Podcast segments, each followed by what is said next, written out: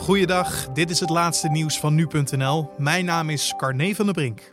In totaal zijn er negen zorgmedewerkers in Nederland tot en met 30 april overleden aan de gevolgen van het coronavirus. Dat meldt het Rijksinstituut voor Volksgezondheid en Milieu. 458 zorgmedewerkers zijn in het ziekenhuis opgenomen of opgenomen geweest. De overleden zorgmedewerkers hadden een leeftijd tussen de 45 en 69 jaar. Van zes van de overleden zorgmedewerkers is bekend dat ze bestaande gezondheidsproblemen hadden. Bij drie zorgmedewerkers is dat nog niet bekend. Verder is het aantal nieuwe sterfgevallen als gevolg van het coronavirus donderdag met 84 kleiner dan een week eerder. Ook het aantal nieuwe ziekenhuisopnames is kleiner dan vorige week donderdag. Een 31-jarige man uit Zwolle wordt ervan verdacht prinses Amalia in januari van dit jaar meermaals te hebben bedreigd met verkrachting dan wel aanranding.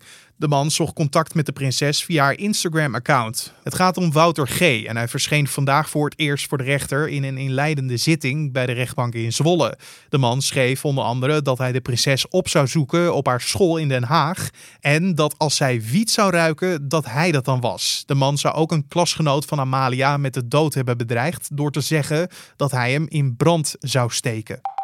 Nederland heeft genoeg machines om 17.500 coronatests per dag uit te voeren. Maar door een tekort aan testmaterialen kunnen de laboratoria op dit moment slechts 7000 tests per dag uitvoeren.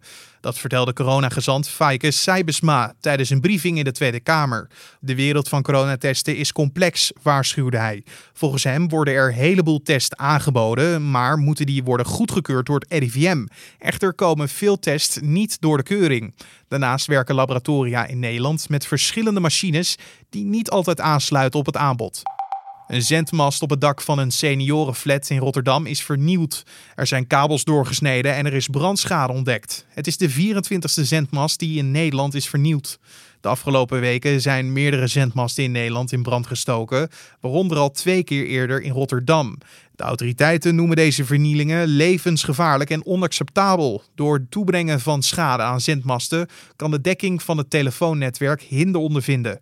Daardoor zijn bijvoorbeeld hulpdiensten minder bereikbaar. En tot zover de nieuwsupdate van nu.nl.